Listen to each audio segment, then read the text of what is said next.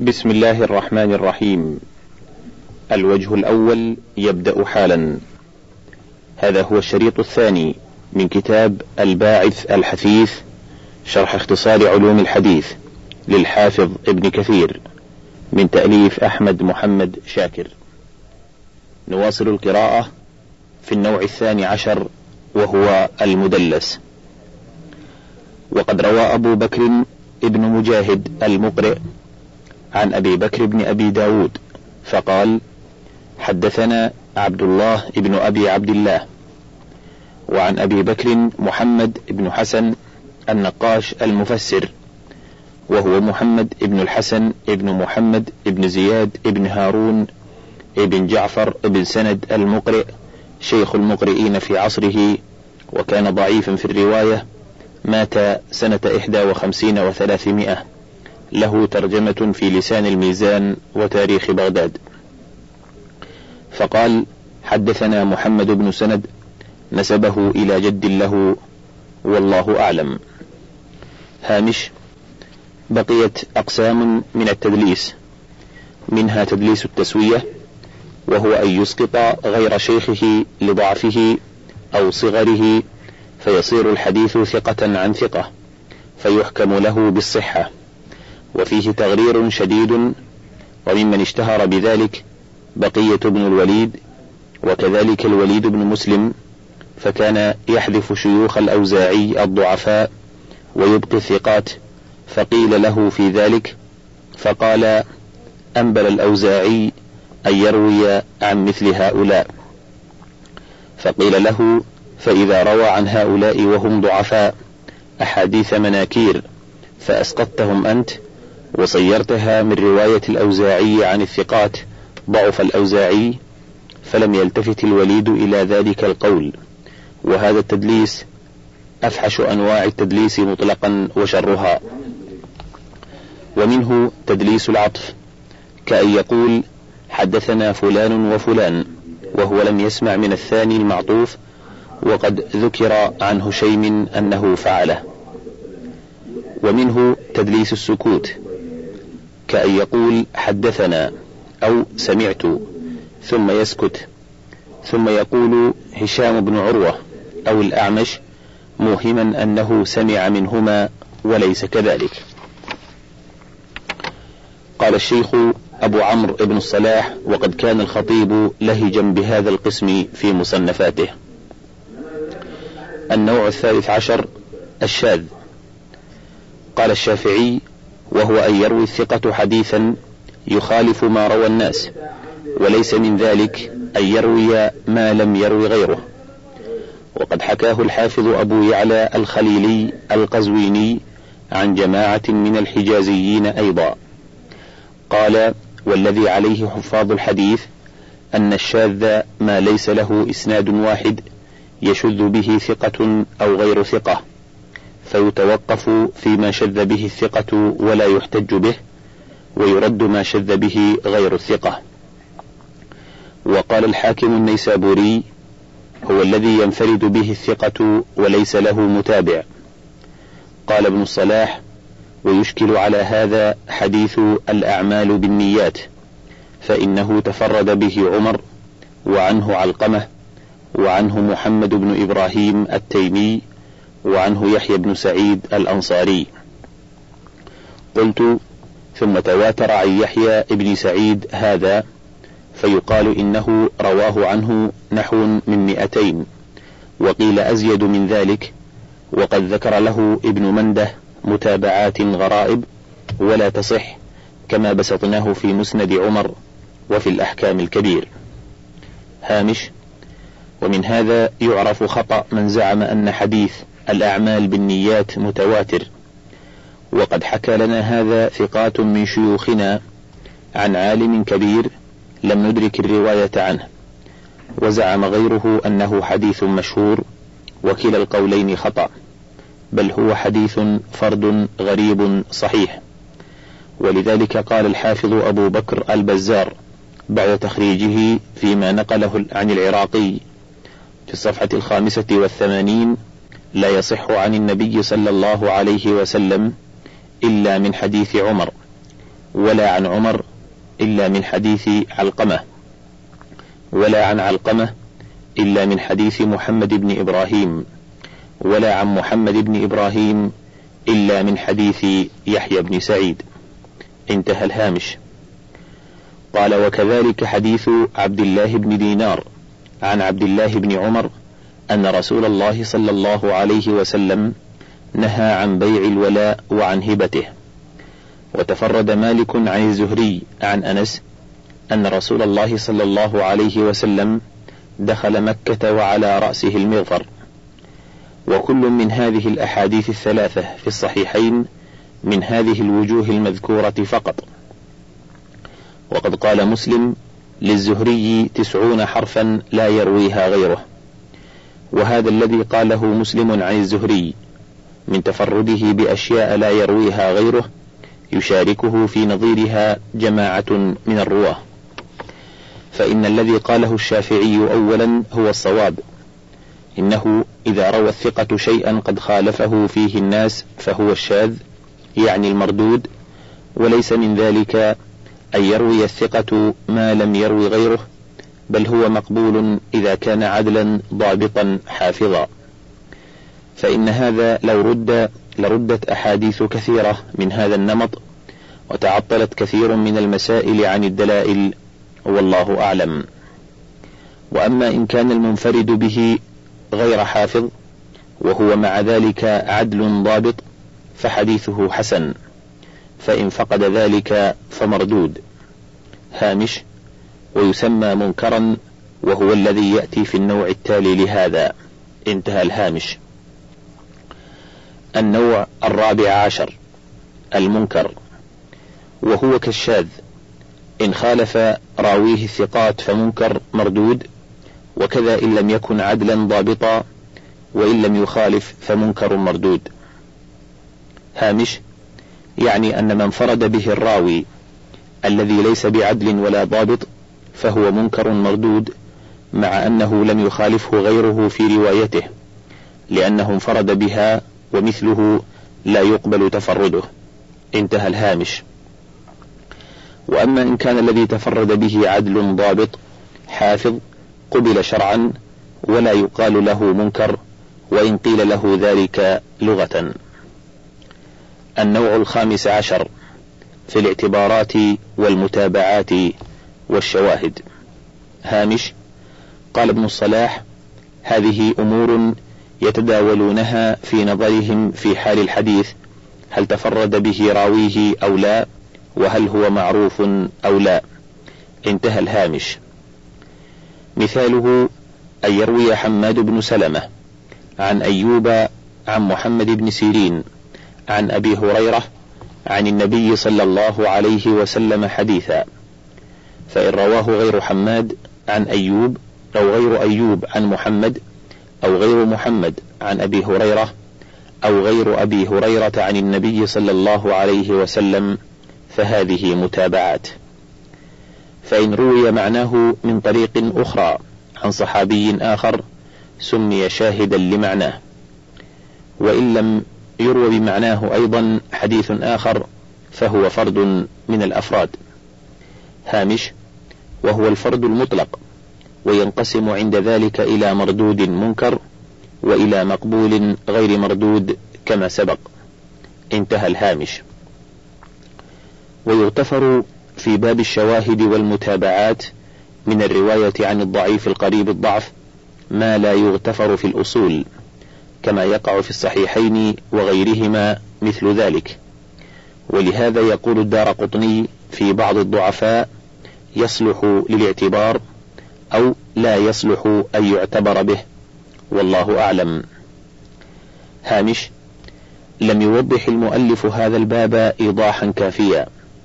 وقد بيناه في شرحنا على ألفية السيوطي في المصطلح فقلنا تجد أهل الحديث يبحثون عما يرويه الراوي ليتعرفوا ما إذا كان قد انفرد به أو لا. وهذا البحث يسمى عندهم الاعتبار فإن لم يجدوا ثقة رواه غيره كان الحديث فردا مطلقا أو غريبا كما مضى. مثال ذلك أن يروي حماد بن سلمة حديثا عن أيوب عن ابن سيرين عن أبي هريرة عن النبي صلى الله عليه وسلم فينظر هل رواه ثقة آخر عن أيوب؟ فإن وجد كان ذلك متابعة تامة وإن لم يوجد فينظر. هل رواه ثقة آخر عن ابن سيرين غير أيوب؟ فإن وجد كان متابعة قاصرة وإن لم يوجد فينظر. هل رواه ثقة آخر عن أبي هريرة غير ابن سيرين؟ فإن وجد كان متابعة قاصرة وإن لم يوجد فينظر. هل رواه صحابي آخر عن النبي صلى الله عليه وسلم غير أبي هريرة فإن وجد كان متابعة قاصرة أيضا وإن لم يوجد كان الحديث فردا غريبا كحديث أحبب حبيبك هونا ما. فإنه رواه الترمذي من طريق حماد بن سلمة بالإسناد السابق وقال غريب لا نعرفه بهذا الإسناد إلا من هذا الوجه. قال السيوطي في التدريب أي من وجه يثبت. وإلا فقد رواه الحسن بن دينار عن ابن سيرين والحسن متروك الحديث لا يصلح للمتابعات. وإذا وجدنا الحديث غريبا بهذه المثابة ثم وجدنا حديثا آخر بمعناه كان الثاني شاهدا للأول. قال الحافظ ابن حجر قد يسمى الشاهد متابعة أيضا والأمر سهل. مثال ما اجتمع فيه المتابعة التامة والقاصرة. والشاهد ما رواه الشافعي في الأم عن مالك عن عبد الله بن دينار عن ابن عمر أن رسول الله صلى الله عليه وسلم قال الشهر تسع وعشرون فلا تصوموا حتى تروا الهلال ولا تفطروا حتى تروه فإن غم عليكم فأكملوا العدة ثلاثين. فهذا الحديث بهذا اللفظ ظن قوم أن الشافعي تفرد به عن مالك فعدوه في غرائبه لأن أصحاب مالك رووه عنه بهذا الاسم بلفظ فإن غم عليكم فاقدروا له. لكن وجدنا للشافعي متابعا وهو عبد الله بن مسلمة القعنبي كذلك أخرجه البخاري عنه عن مالك. وهذه متابعة تامة ووجدنا له متابعة قاصرة في صحيح ابن خزيمة من رواية عاصم بن محمد عن أبيه محمد بن زيد عن جده عبد الله بن عمر بلفظ فأكملوا ثلاثين. وفي صحيح مسلم من رواية عبيد الله بن عمر ابن نافع عن ابن عمر عن ابن عمر بلفظ فاقدروا ثلاثين ووجدنا له شاهدا رواه النسائي من رواية محمد بن حنين عن ابن عباس عن النبي صلى الله عليه وسلم فذكر مثل حديث عبد الله بن دينار عن ابن عمر بلفظ سواء. ورواه البخاري من رواية محمد بن زياد عن أبي هريرة بلفظ فإن غمي عليكم فأكملوا عدة شعبان ثلاثين وذلك شاهد بالمعنى. وظاهر صنيع ابن الصلاح والنووي يوهم أن الاعتبار قسيم للمتابعات والشواهد وأنها أنواع ثلاثة. وقد تبين لك مما سبق أن الاعتبار ليس نوعا بعينه وإنما هو هيئة التوصل للنوعين المتابعات والشواهد وصبر طرق الحديث لمعرفة لمعرفتهما فقط. انتهى الهامش. النوع السادس عشر في الأفراد وهو أقسام تارة ينفرد به الراوي عن شيخه كما تقدم أو ينفرد به أهل قطر كما يقال تفرد به أهل الشام أو العراق أو الحجاز أو نحو ذلك وقد يتفرد به واحد منهم فيجتمع فيه الوصفان والله أعلم. وللحافظ الدار قطني كتاب في الأفراد. في مئة جزء ولم يسبق إلى نظيره وقد جمعه الحافظ محمد بن طاهر في أطراف رتبه فيها. النوع السابع عشر في زيادة الثقة. إذا تفرد الراوي بزيادة في الحديث عن بقية الرواة عن شيخ لهم وهذا الذي يعبر عنه بزيادة الثقة فهل هي مقبولة أم لا؟ فيه خلاف مشهور. فحكى الخطيب عن أكثر الفقهاء قبولها وردها أكثر المحدثين. ومن الناس من قال إن اتحد مجلس السماع لم تقبل وإن تعدد قبلت. ومنهم من قال تقبل الزيادة إذا كانت من غير الراوي بخلاف ما إذا نشط فرواها تارة وأسقطها أخرى. هامش أي إن هذا القائل يرى قبول الزيادة من غير الراوي وأما من نفس الراوي فلا يقبلها وهو قول غير جيد. انتهى الهامش. ومنهم من قال إن كانت مخالفة في الحكم لما رواه الباقون لم تقبل وإلا قبلت.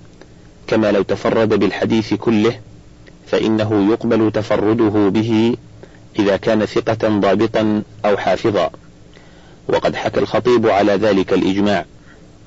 وقد مثل الشيخ أبو عمرو زيادة الثقة بحديث مالك عن نافع عن ابن عمر أن رسول الله صلى الله عليه وسلم فرض زكاة الفطر في رمضان على كل حر على كل حر أو عبد ذكر أو أنثى من المسلمين. فقوله من المسلمين من زيادات مالك عن نافع. وقد زعم الترمذي أن مالكا تفرد بها. وسكت أبو عمرو على ذلك ولم يتفرد بها مالك. فقد رواها مسلم من طريق الضحاك بن عثمان عن نافع كما رواها مالك. وكذا رواها البخاري وأبو داود والنسائي من طريق عمر بن نافع عن أبيه كمالك. قال ومن أمثلة ذلك حديث جعلت لي الأرض مسجدا وطهورا. تفرد أبو مالك سعد بن طارق الأشجعي بزيادة وتربتها طهورا. عن ربعي ابن حراش.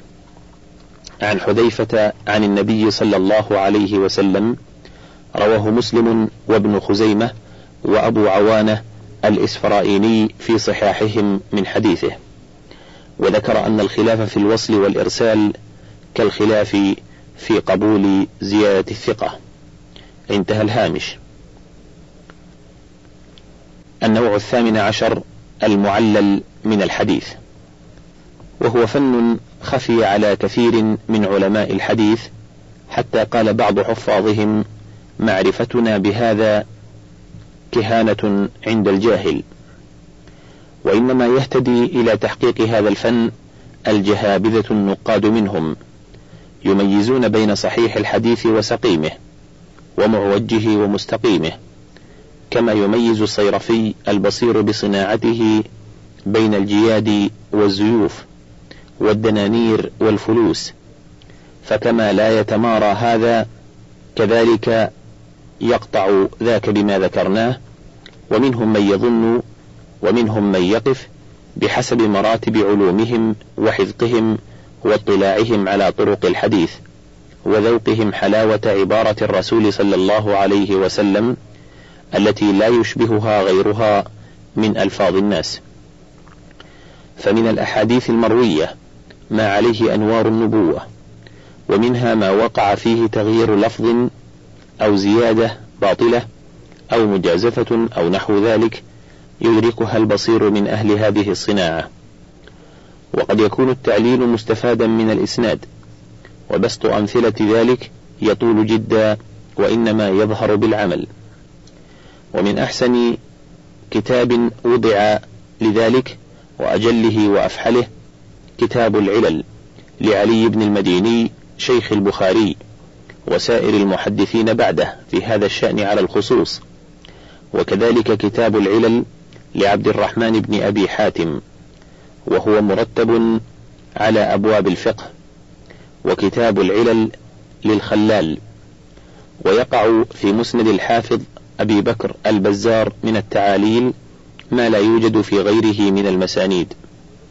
وقد جمع أزمة ما ذكرناه كله الحافظ الكبير أبو الحسن الدار قطني في كتابه في ذلك وهو من أجل كتاب بل أجل ما رأيناه وضع في هذا الفن لم يسبق إلى مثله وقد أعجز من يريد أن يأتي بعده فرحمه الله وأكرم مثواه ولكن يعوزه شيء لا بد منه وهو أن يرتب على الأبواب ليقرب تناوله للطلاب أو أن تكون أسماء الصحابة الذين اشتمل عليهم مرتبين على حروف المعجم ليسهل الأخذ منه فإنه مبدل جدا لا يكاد يهتدي الإنسان إلى مطلوبه منه بسهولة. هامش هذا الفن من أدق فنون الحديث وأعوصها، بل هو رأس علومه وأشرفها، ولا يتمكن منه إلا أهل الحفظ والخبرة والفهم الثاقب، ولهذا لم يتكلم فيه إلا القليل، كابن المديني وأحمد والبخاري ويعقوب بن شيبة وأبي حاتم وأبي زرعة والترمذي والدار قطني. وقد ألفت فيه كتب خاصة فمنها كتاب العلل في آخر سنن الترمذي وهو مختصر ومنها الكتب التي ذكرها المؤلف. وقد حكى السيوطي في التدريب أن الحافظ ابن حجر ألف فيه كتابا سماه الزهر المطلول في الخبر المعلول ولم أره ولو وجد لكان في رأيي جديرا بالنشر لأن الحافظ ابن حجر دقيق الملاحظة واسع الاطلاع ويظن أنه يجمع كل ما تكلم فيه المتقدمون من الآئمة من الأحاديث المعلولة. وتجد الكلام على علل الأحاديث مفرقا في كتب كثيرة. من أهمها نصب الراية في تخريج أحاديث الهداية للحافظ الزيلعي والتلخيص الحبير وفتح الباري كلاهما للحافظ ابن حجر ونيل الأوطار للشوكاني والمحلى للإمام الحجة أبي محمد علي بن حزم الظاهري وكتاب تهذيب سنن أبي داود للعلامة المحقق ابن القيم وعلة الحديث سبب غامض خفي قادح في الحديث مع أن الظاهر السلامة منه والحديث المعلول هو الحديث الذي اطلع فيه على علة تقدح في صحته مع أن الظاهر سلامته منها ويتطرق ذلك إلى الإسناد الذي رجاله ثقات الجامع شروط الصحة من حيث الظاهر. والطريق إلى معرفة العلل جمع طرق الحديث والنظر في اختلاف رواته وفي ضبطهم وإتقانهم. فيقع في نفس العالم العارف بهذا الشأن أن الحديث معلول ويغلب على ظنه فيحكم بعدم صحته أو يتردد فيتوقف فيه. وربما تقصر عبارته عن إقامة الحجة على دعواه. قال عبد الرحمن ابن مهدي معرفة علل الحديث إلهام. لو قلت للعالم بعلل الحديث من أين قلت هذا؟ لم يكن له حجة. وكم من شخص لا يهتدي لذلك. وقيل له أيضا إنك تقول للشيء هذا صحيح وهذا لم يثبت فعمن تقول ذلك؟ فقال أرأيت لو أتيت الناقد فأريته دراهمك؟ فقال هذا جيد وهذا بهرج. أكنت تسأل عن ذلك أو تسلم له الأمر؟ قال بل أسلم له الأمر. قال فهذا كذلك لطول المجالسة والمناظرة والخبرة. وسئل أبو زرعة ما الحجة في تعليلكم الحديث؟ فقال الحجة أن تسألني عن علة حديث فأذكر علته ثم تقصد ابن وارة يعني محمد ابن مسلم ابن وارة فتسأله عن علة حديث فيذكر علته ثم تقصد أبا حاتم فيعلله ثم تميز كلامنا على ذلك الحديث.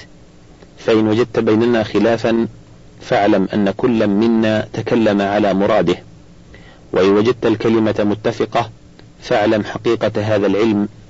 ففعل الرجل ذلك فاتفقت كلمتهم فقال أشهد أن هذا العلم إلهام. والعلة قد تكون بالإرسال في الموصول أو الوقف في المرفوع. أو بدخول حديث في حديث أو وهم واهم أو غير ذلك مما يتبين للعارف بهذا الشأن من جمع الطرق ومقارنتها ومن قرائن تنضم إلى ذلك. وأكثر ما تكون العلل في أسانيد الأحاديث فتقدح في الإسناد والمتن معا إذا ظهر منها ضعف الحديث. وقد تقدح في الإسناد وحده إذا كان الحديث مرويا بإسناد آخر صحيح مثل الحديث الذي رواه يعلى ابن عبيد الطنافسي أحد الثقات عن سفيان الثوري عن عمرو بن دينار عن ابن عمر عن النبي صلى الله عليه وسلم قال البيعان بالخيار الحديث. فهذا الإسناد متصل بنقل العدل عن العدل وهو معلول وإسناده غير صحيح. والمتن صحيح على كل حال لأن يعلى بن عبيد غلط على سفيان في قوله عمرو بن دينار وإنما صوابه عبد الله بن دينار. هكذا رواه الأئمة من أصحاب سفيان كأبي نعيم الفضل بن دكين ومحمد بن يوسف الفريابي ومخلد بن يزيد وغيرهم. ورووه عن سفيان عن عبد الله بن دينار عن ابن عمر. وقد تقع العلة في متن الحديث كالحديث الذي أخرجه مسلم في صحيحه من رواية الوليد بن مسلم حدثنا الأوزاعي عن قتادة أنه كتب إليه يخبره عن أنس بن مالك أنه حدثه قال صليت خلف النبي صلى الله عليه وسلم وأبي بكر وعثمان فكانوا يستفتحون بالحمد لله رب العالمين لا يذكرون بسم الله الرحمن الرحيم في أول قراءة ولا في آخرها. ثم رواه مسلم أيضا من رواية الوليد عن الأوزاعي أخبرني إسحاق بن عبد الله ابن أبي طلحة أنه سمع أنسا يذكر ذلك.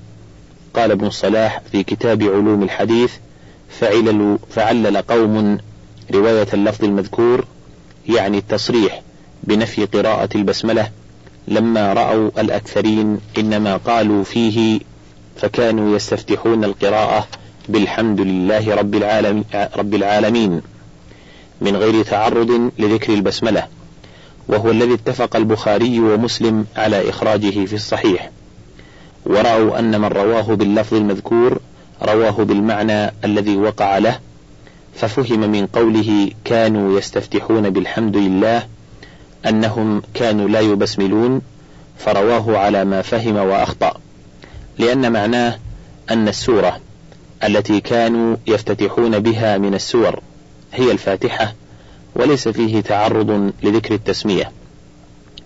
وانضم إلى ذلك أمور منها أنه ثبت عن أنس أنه سئل عن الافتتاح بالتسمية فذكر أنه لا يحفظ فيه شيئا عن رسول الله صلى الله عليه وسلم. والله أعلم. وقد أطال الحافظ العراقي في شرحه على ابن الصلاح الكلام على تعليل الحديث وكذلك السيوطي في التدريب. وانظر ما كتبه الأخ العلامة الشيخ محمد حامد الفقي في تعليقه على المنتقى لابن تيمية.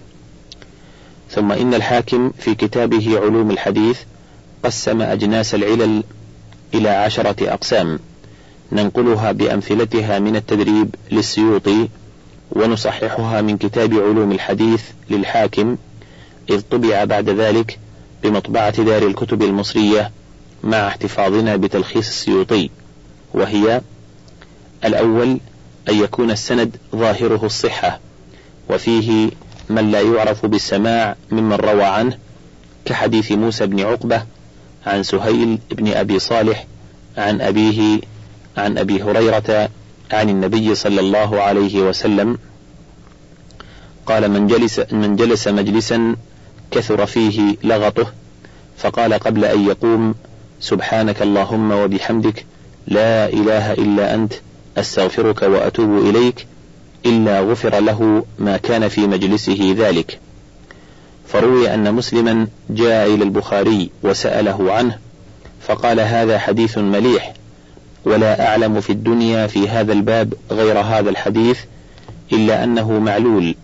حدثنا به موسى بن إسماعيل حدثنا وهيب حدثنا سهيل عن عون بن عبد الله. قوله قال محمد ابن إسماعيل هو البخاري وهذا أولى لأنه لا يذكر لموسى بن عقبة سماع من سهيل.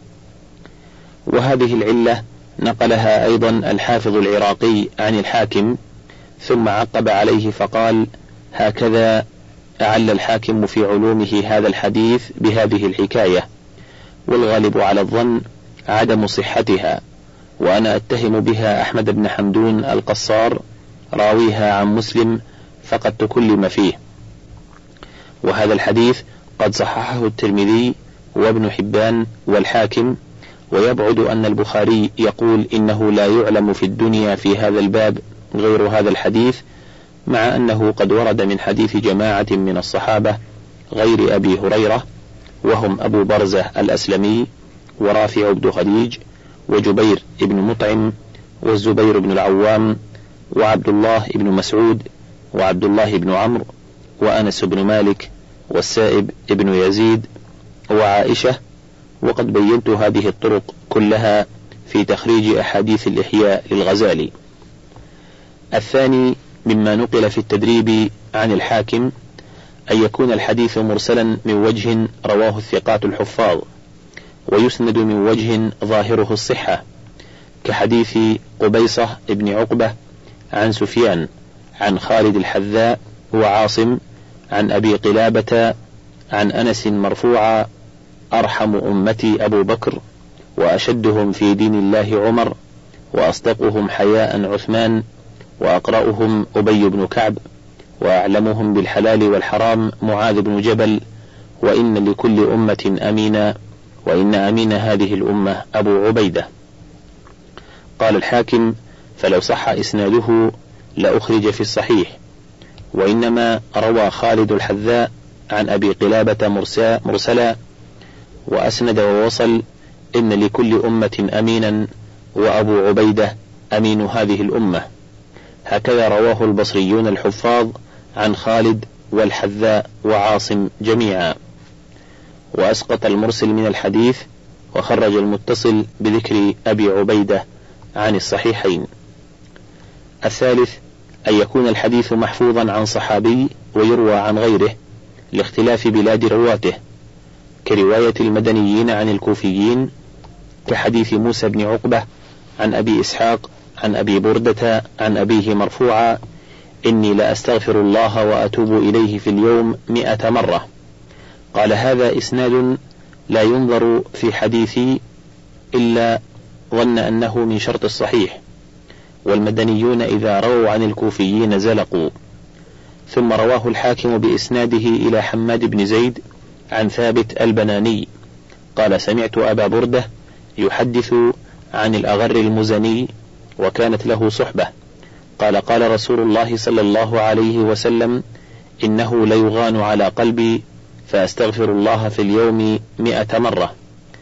ثم ذكر الحاكم أنه رواه مسلم في صحيحه هكذا وقال وهو الصحيح المحفوظ. تنبيه في نسخة التدريب الأغر المدني بالدال وهو تصحيف فإن الأغر المدني تابعي مولى لأبي هريرة وأبي سعيد وأما الصحابي فهو الأغر المزني بالزاي وهو الذي يروي عنه أبو بردة ابن أبي موسى الأشعري. الرابع أن يكون محفوظا عن صحابي ويروى عن تابعي يقع الوهم بالتصريح بما يقتضي صحبته بل لا يكون معروفا من جهته. كحديث زهير بن محمد عن عثمان بن سليمان عن أبيه أنه سمع رسول الله صلى الله عليه وسلم يقرأ في المغرب بالطور. قال الحاكم خرج العسكري وغيره من المشايخ هذا الحديث في الوحدان وهو معلول من ثلاثة أوجه. أحدها أن عثمان هو ابن أبي سليمان والآخر أن عثمان إنما رواه عن نافع بن جبير بن مطعم عن أبيه. والثالث قوله سمع النبي صلى الله عليه وسلم وأبو سليمان لم يسمع من النبي صلى الله عليه وسلم ولا رآه. الخامس أن يكون روي بالعنعنة وسقط منه رجل دل عليه طريق أخرى محفوظة كحديث يونس عن ابن شهاب عن علي بن الحسين عن رجال من الأنصار أنهم كانوا مع رسول الله صلى الله عليه وسلم ذات ليلة فرمي بنجم فاستنار. الحديث. قال الحاكم علة هذا الحديث أن يونس على حفظه وجلالة محله قصر به وإنما هو عن ابن عباس قال حدثني رجال من الأنصار. وهكذا رواه ابن عيينة وشعيب وصالح والأوزاعي وغيرهم عن الزهري. السادس أن يختلف على رجل بالإسناد وغيره ويكون المحفوظ عنه ما قابل الإسناد كحديث علي بن الحسين بن واقد عن أبيه عن عبد الله بن بريدة عن أبيه عن عمر بن الخطاب قال قلت يا رسول الله ما لك أفصحنا؟ الحديث. وذكر الحاكم علته وهي ما أسند عن علي بن خشرم حدثنا علي بن الحسين بن واقد بلغني عن عمر فذكره.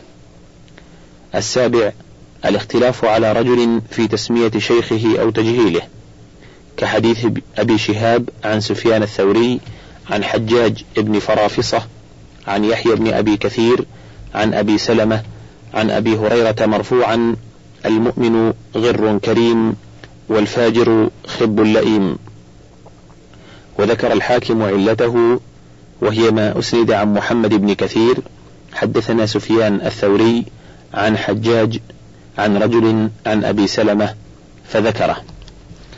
الثامن أن يكون الراوي عن شخص أدركه وسمع منه ولكنه لم يسمع منه أحاديث معينة فإذا رواها عنه بلا واسطة فعل فعلتها أنه لم يسمعها منه.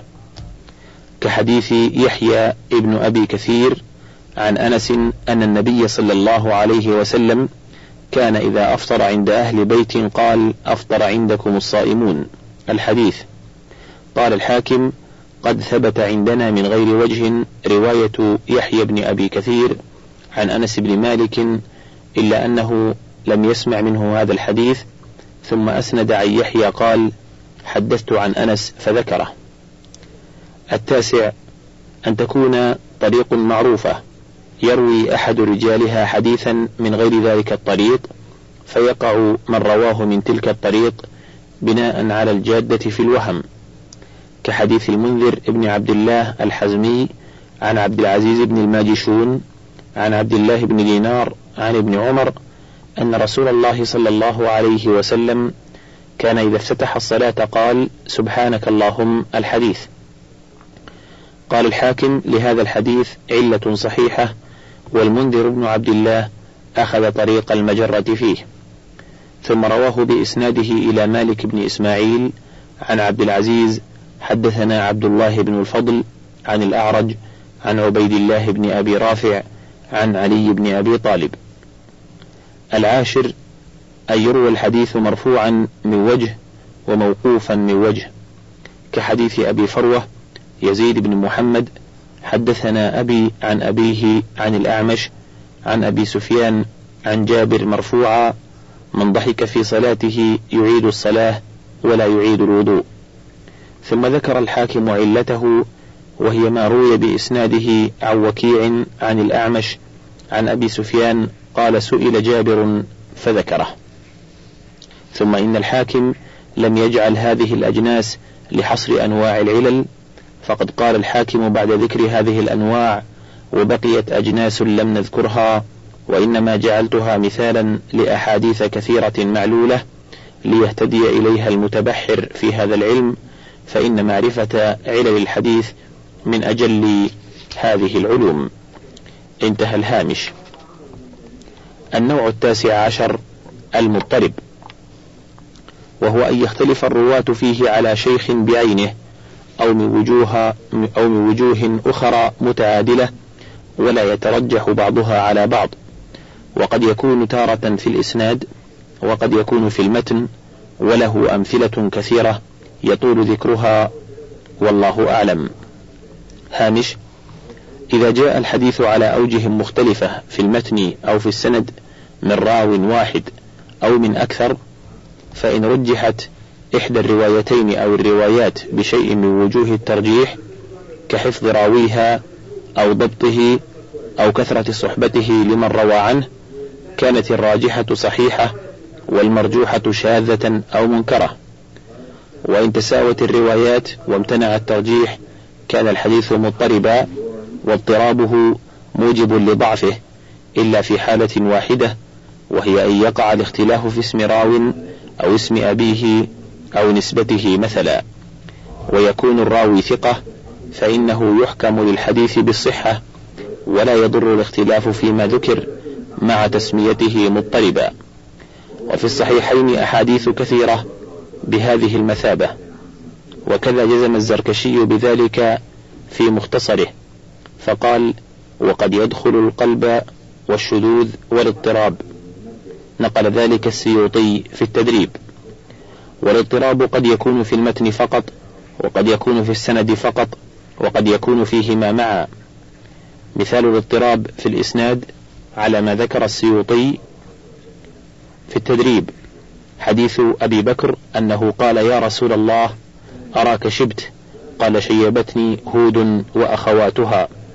قال الدار قطني هذا حديث مضطرب فإنه لم يروى إلا من طريق أبي إسحاق وقد اختلف عليه في علي نحو عشرة أوجه فمنهم من رواه عنه مرسلا ومنهم من رواه موصولا ومنهم من جعله من مسند أبي بكر ومنهم من جعله مسند سعد ومنهم من جعله مسند عائشة ورواته ثقات لا يمكن ترجيح بعضهم على بعض والجمع متعسر.